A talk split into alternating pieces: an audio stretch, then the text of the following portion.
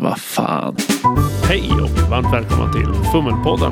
Det här är avsnitt 49,2 och vi får besök av Peter Malmberg. Vi tänkte prata om simulerande spel kontra emulerande spel. Vad är det som skiljer dem åt och vad har de för respektive fördelar och nackdelar? Då rullar vi igång. Jag heter Lukas. Jag heter Edvard. Vi har fortsatta coronasvårigheter så vi fortsätter med lite distanssamtal. Vi tänkte fortsätta avvakta med avsnitt 50 tills vi har hela ordinarie panelen igen. Men tills vidare så har vi lite gäster och idag har vi med Peter Malmberg som är en av grundarna till Bläckfisk förlag. Poddat själv i rollspelsfika, skrivit rollspelet Fornsaga, utvecklat trygghetsverktyget Traffic Lights bland annat. Varmt välkommen hit! Tack så mycket, kul att vara här.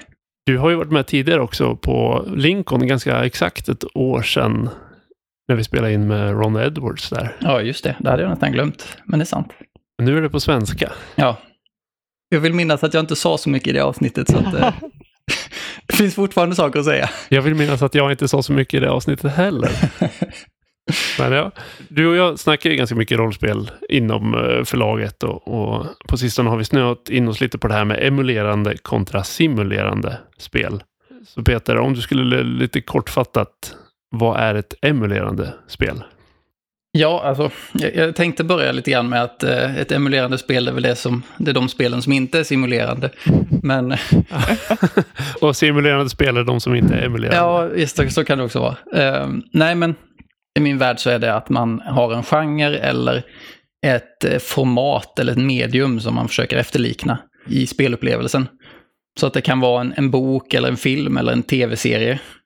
Primetime Adventures är ett exempel på en som gör en tv-serie. Gudasaga gör en saga. En brevväxling, en dejt, ett mordmysterium, en deckare, noir, en fantasybok eller vad det nu kan vara. Och det är ju, I folkmun kan man ju säga att det är det som ofta kallas för indie eller storyspel. Det är väl inte likvärdigt, men det är i alla fall tangerande definitioner. Ja, jag tänker att de har lite olika innebörd, men, men jag har mer och mer börjat föredra det här att se som emulerande, just att man försöker man har helt enkelt ett regelverk som hjälper en, som guidar en för att uppnå ett önskat format eller en önskad typ av berättelse. Även om det inte kontrollerar exakta innehållet av den. Jag tror att det är bra att egentligen försöka komma bort från indie-begreppet, för det är så himla omtvistat. För att om man gör ett tradspel och gör det på egen hand och ger ut det själv, då är ju det ett indiespel i ordets rätta bemärkelse. Men som Fornsaga i mitt fall, det är ju ett indiespel, men eh, det är ju ett uh, ganska traddigt spel rent uh, systemmässigt. Jo, men det blir ju som uh, om du spelar metal och ger ut din musik själv. Är du ett indieband då, då, kommer, då kommer folk tro att du spelar någon sån här brittisk pop. Precis. Så att, eh, ja, jag ser också fördelar med det. Plus att även om vi tar liksom indie som en typ av rollspel så är det väldigt omtvistat också, var gränsen går. Och egentligen kan jag väl tycka att det går ingen så här supertydlig gräns mellan emulerande och simulerande. För ett spel kan innehålla element av båda. Men för samtalets skull så tror jag det är bra att kunna liksom separera dem. Men traditionella rollspel, om man kallar dem så, bara för att upprätta någon form av samband, de går ju i grunden ut på att simulera mer. Du har en rollperson, den har ett par värden. Du vill se om rollpersonen lyckas med någonting, då slår du någon form av simulerande resolutionsmekanikslag för att se klarar den här rollpersonen av att utföra den här handlingen. Ja, reglerna sätter inte lika mycket färg på spelet som emulerande. Nej, det kan jag hålla med om. Men jag tänker att det som simulerande spel gör är ju att försöka skapa en alternativ verklighet som känns verklighetstrogen, eller som man kan tro på. Det finns en ambition att det ska vara realistiskt på ett sätt som inte finns i emulerande spel. Och då läggs ju också krutet mycket på i reglerna upplever jag att göra saker och ting realistiskt. Och nackdelen som jag ser där är väl att det finns så himla mycket som kan hända i en alternativ verklighet. Och ska man ha regler för allting så blir det väldigt tjocka böcker. Och det är det ju också generellt sett. Ja, det är sant. Men även många simulerande regelsystem kanske inte fokuserar på att simulera allting, utan de fokuserar ju mest på att simulera strid. Om man ser generellt åtminstone. Och de reglerna är ganska uttömmande. Sen hur de simulerar social interaktion och sådär, det är ju mer grovkornigt. Men just realism är också så här farligt begrepp att börja diskutera. För att hur realistiskt är det med, med alver som lever jämte människor och dvärgar? Det är ju liksom evolutionärt orealistiskt. Alltså är tycka. väl snarare att de försöker att skapa en trovärdighet i de övernaturliga element som finns. Att man ska kunna väva in dem naturligt med det som vi kan förhålla oss till lättare. Jo visst, men jag menar, spelar du ett emulerande spel så blir ju inte det orealistiskt i hur saker och ting fungerar per automatik. Ja, fast man kan rycka på axlarna på ett annat sätt i emulerande spel. Det här funkar för att det passar i temat på ett annat sätt. Ja, fast alltså jag skulle nog säga Fiasko tycker jag är ett emulerande spel. Det försöker emulera någon slags Bröderna Coen-film. Om jag helt plötsligt säger och sen eh, förvandlas jag till en blå gas och flyger iväg. Då är det liksom orealistiskt i den kontexten också. Och även om man har samberättande och kreativitet så är man fortfarande låst till narrativets realism där också. Jag tycker mer att det är värt att prata om att det simulerar man har någon form av värden eller man har någon form av sannolikhet och låter den sannolikheten avgöra vad som händer i fiktionen och i världen. Realismen tänker jag kan vara farlig att blanda in för mycket. För att det antyder på något sätt att emulerande spel är orealistiska. Ja, jo visst. Jag tänker mig att i simulerande spel så jobbar man ju ganska mycket med den diegetiska kausaliteten. Att det som händer i fiktionen ska ha konsekvenser som känns rimliga. Det som händer i fiktionen leder till någonting annat i fiktionen. Och i emulerande spel så styrs ofta spelarna till att säga saker som passar genren eller som passar formatet. Det spelar ingen roll om det är orimligt att skurken hela tiden kommer undan oavsett vad, vad karaktärerna gör, för det är det som krävs för att man ska få till en klassisk superhjälteberättelse. Mm, det är sant, det är bra. Men det, jag skulle nog säga som sagt, simulerande handlar mer om att se vad som händer och låta en re resolutionsmekanik avgöra det. Medan emulerande system handlar mer om att guida till en viss typ av narrativ eller upplevelse. Det är väl därför tidslinjen blir av en större betydelse i simulerande spel. Att man eh, inte använder scener i samma utsträckning och sånt där i simulerande spel för att man måste kunna förhålla sig till vad som har hänt hela tiden. Medan i emulerande spel så görs det oftare tidshopp och man fokuserar på de relevanta stunderna och sådär på ett annat sätt. Ja, det är sant. Mm. Och det är ju, överlag kan man ju tycka att de emulerande spelen har ju en annan stance. Det har en annan inställning, ett annat perspektiv från spelaren. Att man mer är en författare eller regissör av handlingen i de flesta systemen än man är skådespelaren eller personen som upplever saker. Medan simulerande spel har ju mer en tradition av att vara ofta en spelledare för att definiera saker och för att hålla ordning liksom på simulationen. Och sen spelare som inte har så mycket mer inflytande än att bestämma över vad respektive rollperson gör. Då. Så att eftersom du har ett mer distanserat perspektiv i emulerande spel ofta, eftersom reglerna är kanske lite synligare eftersom de guidar mer, då är det ju redan utanför verkligheten eller simulationen. Det är helt enkelt bättre att tänka i scener än att tänka i en pågående verklighet. Du ringar in någonting bra där. Ja. Tidigare så var jag väldigt tradd-inriktad och tyckte det var A och O. Nu så har jag kanske tappat tålamodet. Så att eh, de emulerande spelarna med sina scener ger en kapaciteten att få till någonting inom en rimligare tidsgräns. Det behöver inte vara ett långt flöde för att det ska bygga upp stämningen. Nej, men jag tror det har ju också att göra med att emulerande spel kanske trycker på mer med en viss pacing eller verktyg för att saker ska hända och även har ett specifikt fokus, att det här är det vi ska ägna oss åt. Medan ett eh, simulerande spel kan ju vara mer öppet och det, det kanske går åt ett möte till att man promenerar i vildmarken för att det är det som råkar hända då. Medan i en omgång fiasko kanske man har någon form av promenad i vildmarken också, men då grundar det sig i någon form av konflikt mellan rollpersoner eller att de försöker uppnå någonting i den scenen, för att annars hoppar man bara över den scenen helt.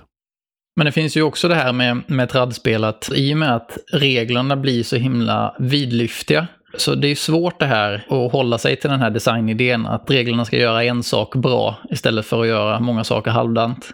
För att tradsystemen måste kunna behandla allting som skulle kunna hända i den här alternativa verkligheten.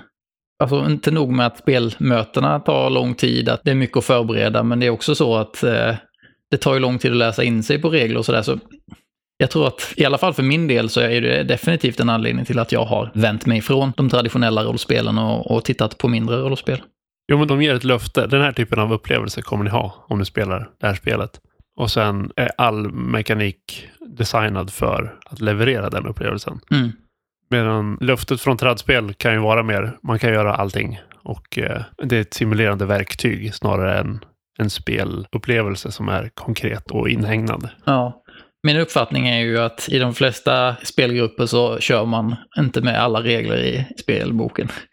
Nej, alltså det blir säkert mera husregler och sånt där till ett simulerande spel just för att man då paketerar det från sina behov. Medan börjar man göra husregler och hacka ett emulerande spel så finns det en risk att man inte har insikten i vad som är tillräckligt relevant för att få den spelupplevelsen. Så att upplevelsen faller isär på ett annat sätt. Ja, det tror jag. Det kan nog stämma. Å andra sidan, börjar du husregla i simulerande spel så kan du ju också rubba någon form av balans eller skapa kaos. Jag känner att den strukturen bara har ett så pass brett regelsystem att den är robustare på något vis. Jo, men det kan stämma. Överlag, emulerande spel har ju ett regelverk som är tajtare designat eftersom du bara ska uppnå en enda grej. Så att varje detalj i den verktygslådan mekaniskt är nog mer synkad med resten. Det kan nog ligga någonting i det också. Ja, jag instämmer. Men eh, ett typiskt simulerande spel, det är kanske fördomsfullt, men skulle jag säga är E.ON. Det finns väldigt mycket regler för väldigt mycket saker. Det ska liksom slås på ett antal tabeller för att se vilken typ av skada som en rollperson drabbas av. Medan ett mer emulerande spel, som sagt Fiasko är återkommande exempel. Eftersom det ska bli en Bröderna Coen-film. Det finns ingen resolutionsmekanik annat än någon i gruppen ger en svart eller vit tärning och det betyder att överlag kommer den här rollpersonen inte uppnå sina mål eller uppnå sina mål i den här scenen. Och det är egentligen den enda resolutionsmekaniken som finns. Fokuserar liksom mer på relationerna och, och de här lite trasiga rollpersonernas ambitioner. Men sen, jag satt idag och kollade igenom Blades in the Dark igen.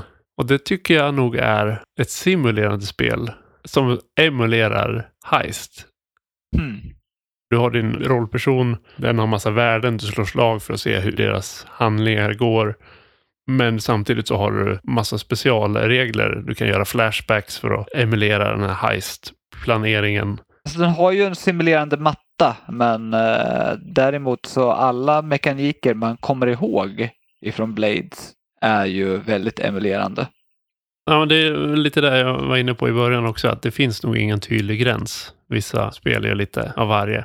En rolig sak som jag har tänkt på är att Dungeons and Dragons är väl ett ganska simulerande spel får man säga.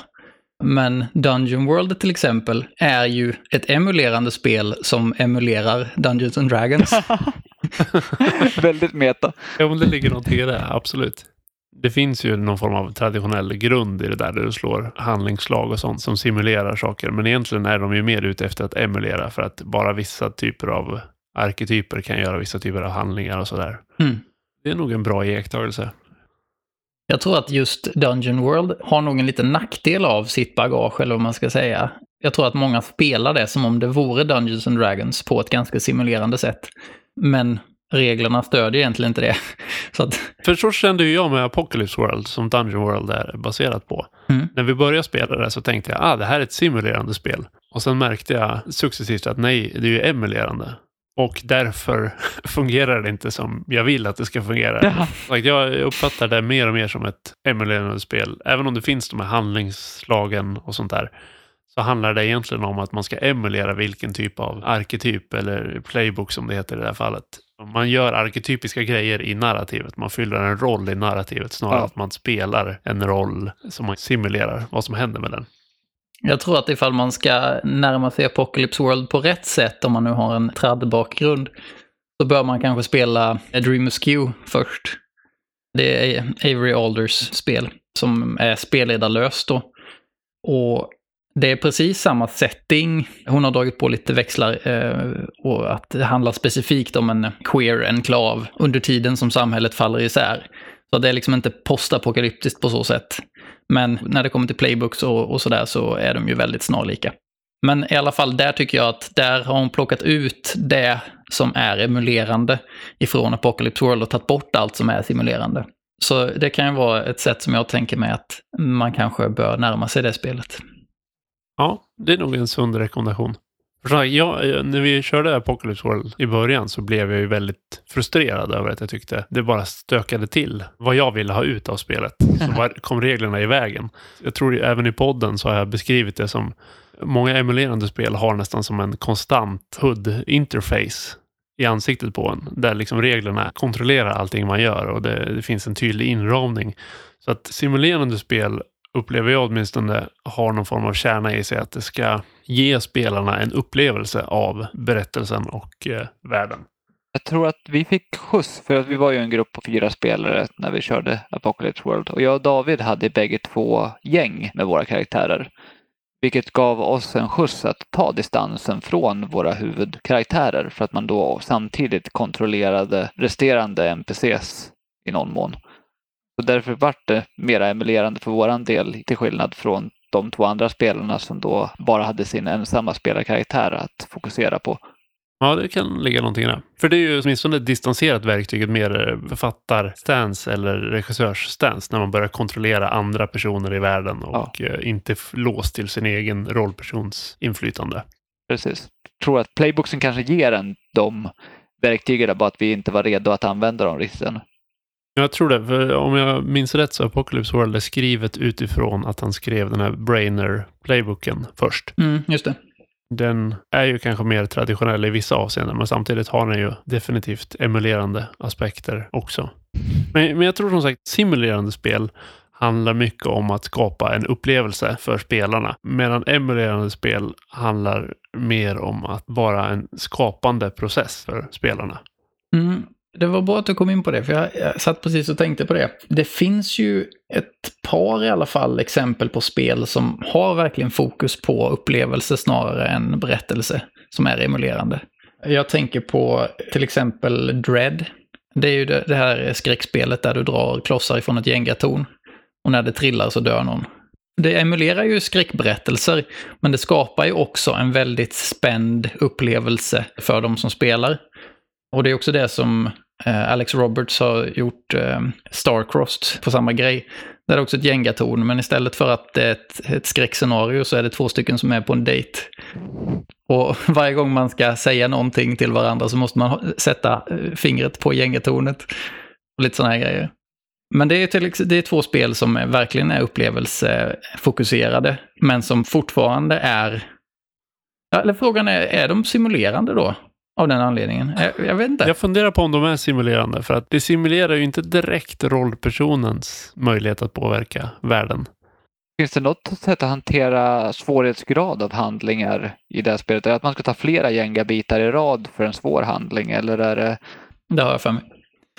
Men det är å andra sidan ett ganska vanligt eh, inslag i emulerande, att alla handlingar är lika svåra. Det är inte så noga liksom.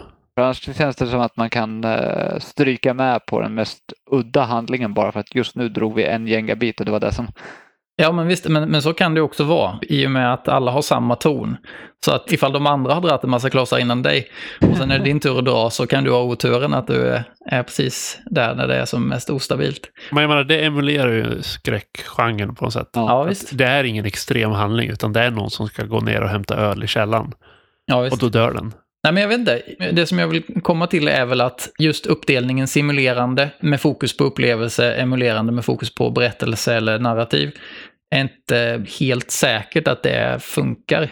Nu när du säger det så håller jag med om att det finns eh, upplevelseinslag i vissa emulerande spel också, men det är ett annat perspektiv åtminstone. Det är fortfarande en annan stance. För att rollpersonen är ju inte nödvändigtvis medveten om hur nära det är att tornet ramlar. Nej. Så att all den spänning och oro som spelaren känner är inte kopplad till vad rollpersonen känner. Nej, det ligger metamässigt. Ja, precis. Det är en meta-upplevelse. Ja, absolut. Så att man befinner sig fortfarande i ett slags tredje persons perspektiv med mer author Jo visst, men, men menar du med upplevelse då, alltså upplevelsen av att vara karaktären i fiktionen? Det verkar som att det är den definitionen du gör. Ja, jag, jag tror att det är den definitionen snarare. För jag tänker ju att en upplevelse kan ju vara som när du sitter och tittar på en skräckfilm så kan det ju vara jävligt spännande. Att man kan få en ganska stark upplevelse bara av att titta på den här. Även fast du vet saker som inte... Oftast är det ju dessutom så att du blir mer spänd när du vet om att monstret finns precis bakom duschdraperiet än ifall du inte vet det. Men det, det är som, som du säger, det är en annan upplevelse där du är uppslukad av berättelsen. Alltså någon form av eh, narrative immersion snarare än character immersion. Precis, det där tror jag är en jättebra definition. Skillnaden på typer av immersion. Simulerande spel afforderar ofta att man har immersion i sin rollperson, medan emulerande spel afforderar också immersion, fast snarare i narrativet. Ja, jo, det kan jag hålla med om. Men jag tycker det är spännande också för att i simulerande spel så känns det som att det är viktigare att rollpersonen inte styrs än i emulerande spel. Alltså i emulerande spel är det ofta så att spelreglerna till exempel begränsar vad du får lov att säga eller vad du har att välja på och sådana grejer. Medan i simulerande spel så är det ju ofta det här att det är inte ens så att du slår för att övertala en annan spelarkaraktär för att du vill inte ta ifrån spelaren friheten att själv bestämma vad den karaktären ska tycka och tänka. Ja, det är nog en bra poäng. Och det är därför tänker jag att rälsning som problem, om man nu tycker att det är ett problem, är kopplat till simulerande spel. Ja, visst. Ja. För att egentligen kan man argumentera för att de flesta emulerande spel är rälsade. Eftersom om man börjar komma fel, då justerar det banan. Eller man får inte göra vissa typer av val. Eller vissa spel som exempelvis Wilhelm Perssons Daughters of Verona slutar alltid med ett lyckligt bröllop. Bara av den anledningen att det står i reglerna. Ja, men det, precis, det rälsas av regler snarare än en spelledare. Ja, precis. Det är också en stor skillnad där att emulerande spel har inte samma behov av en spelledare överlag. Man behöver inte ha en domare på samma sätt. Man behöver inte ha någon som har koll på sanningen. Nej, men grejen är ju att ifall alla spelare vore i actor stance så hade det inte funkat för att någon måste vara i author director stance. Just det. Och när det finns en spelledare så är det den som alltid är i author director stance medan spelarna är i actor stance. Eller pawn stance då. Men i de här samberättande spelen så är det ju ofta alla i author director stance. Men det blir väl lite därför också många av de som vi har kallat för indiespel tidigare, som har en spelledare, därför känns mer simulerande. Just så Blades och Apocalypse World och sånt där. De har ju då känts mer simulerande just på grund av att det finns en spelledare som är världsstyrande. Ja. ja, så kan det kanske vara. Det ligger nog något i det. Jag hade ju personligen sett Apocalypse World som mer emulerande och Blades in the Dark som mer simulerande. Apocalypse World lånar av den simulerande skolan medan Blades snarare lånar av den emulerande skolan fast är ett simulerande spel i grunden.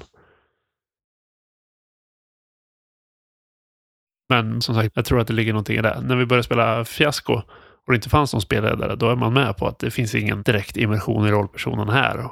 Vi måste ju skapa en, en berättelse tillsammans. Medan eh, Apocalypse World, när vi gick in i det, så ja, det ligger nog något i det. Att jag blev lite lurad att ah, det här är ett simulerande traditionellt rollspel.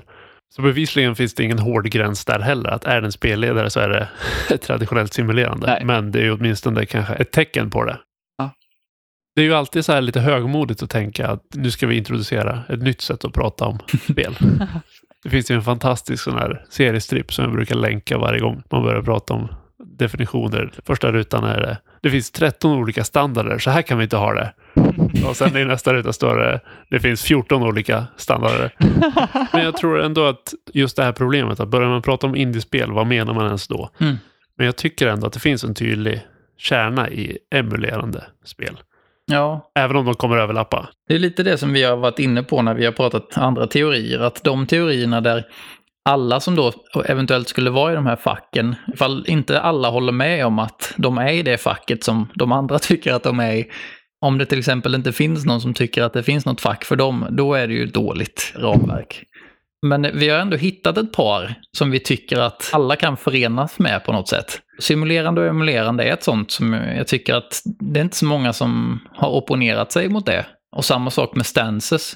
Tycker att de två är, det är en väldigt fruktbar kombination att prata om spel. För som du har sagt eh, vid något tillfälle att trad är simulerande där spelarna är i actor stance.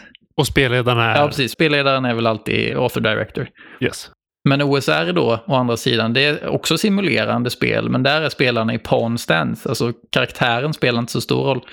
Själva valen som man gör är utefter player skill oftast och sådär. Ja. Och sen de som ofta kallas för indiespel tror jag är eh, emulerande i author director stance överlag. Ja. Även om det kan finnas inslag av actor stance. Precis. Och som sagt, jag tror att det finns några som överlappar lite med de simulerande också. Det tror jag. Jag funderar på Thespian. För Thespian, när jag spelade det känner jag att jag är ganska mycket i den skådespelaren.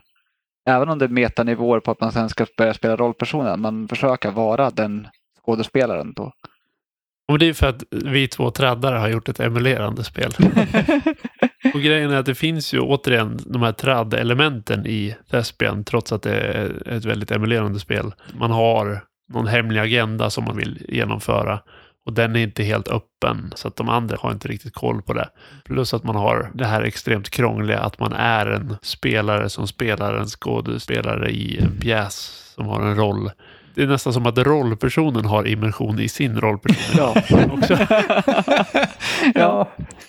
Men jag skulle ju fortfarande säga att Thespian är ett extremt emulerande Jo, spel eftersom det inte säga. har någon direkt resolutionsmekanik och det har sina akter och scener och man får skapande makt och, Absolut. som regissör och så vidare. Jag tänkte på det du sa innan, det här med att eh, rälsning oftast är ett problem i simulerande spel.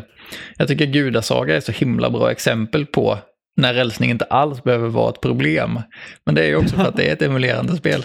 Ja, visst. Men det som är intressant med Gudasaga tyckte jag, när vi designade spelet, insåg vi någonstans att ja, det är sjukt rälsat. Men det är helt icke-simulerande i världen. Och det är helt orälsat vad lösningarna är. Mm. Första speltestet vi hade, det var med Edvard och David och jag. Då kom vi fram till en sten och någon försökte muta den här stenen med mat och misslyckades. Och då helt plötsligt så blev det i världen att stenen inte var hungrig. Men det är ju inte ett dugg simulerande. För att så fungerar liksom inte en simulation.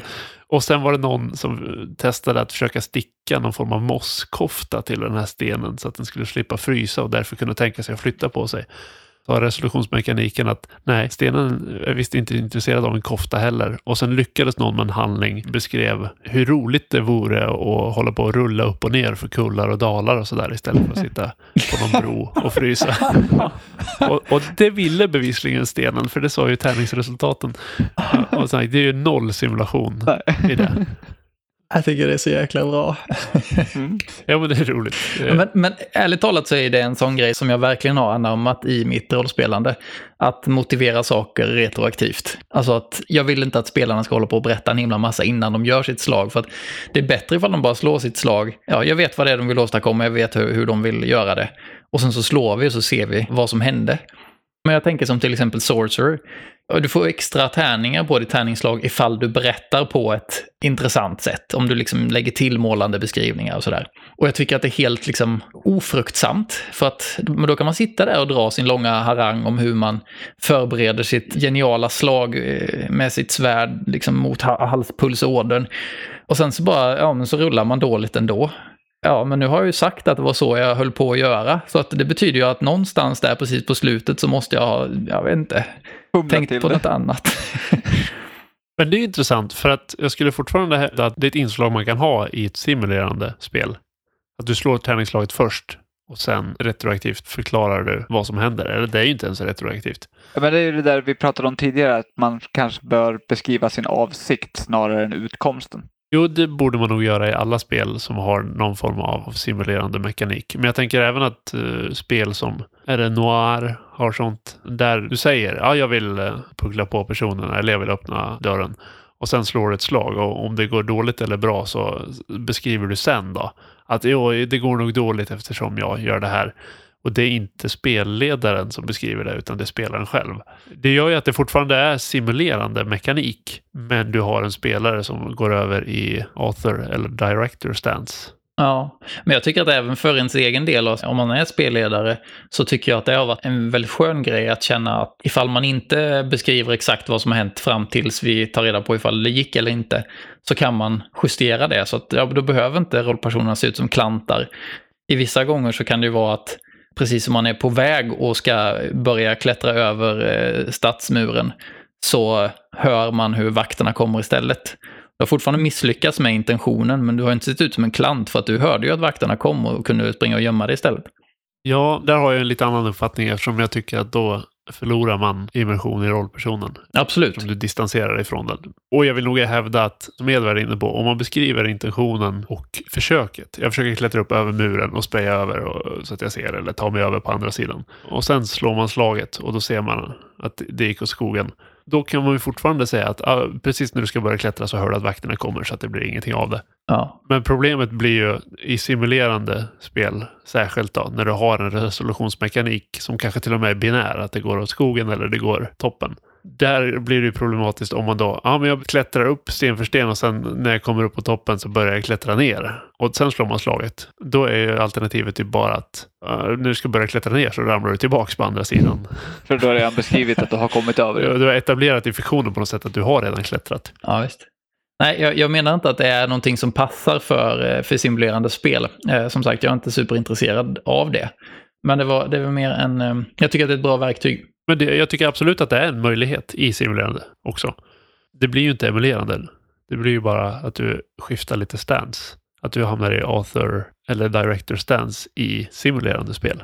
Till exempel Blades in the Dark som har att du kan göra en flashback och berätta hur du grävde ner vapen utanför borgen eller något sånt där natten innan. Det är ju inte sånt som rollpersonen kan bestämma sig för i efterhand. Så att det är ju definitivt inte actor stance. Men det är fortfarande simulerande spel skulle jag säga.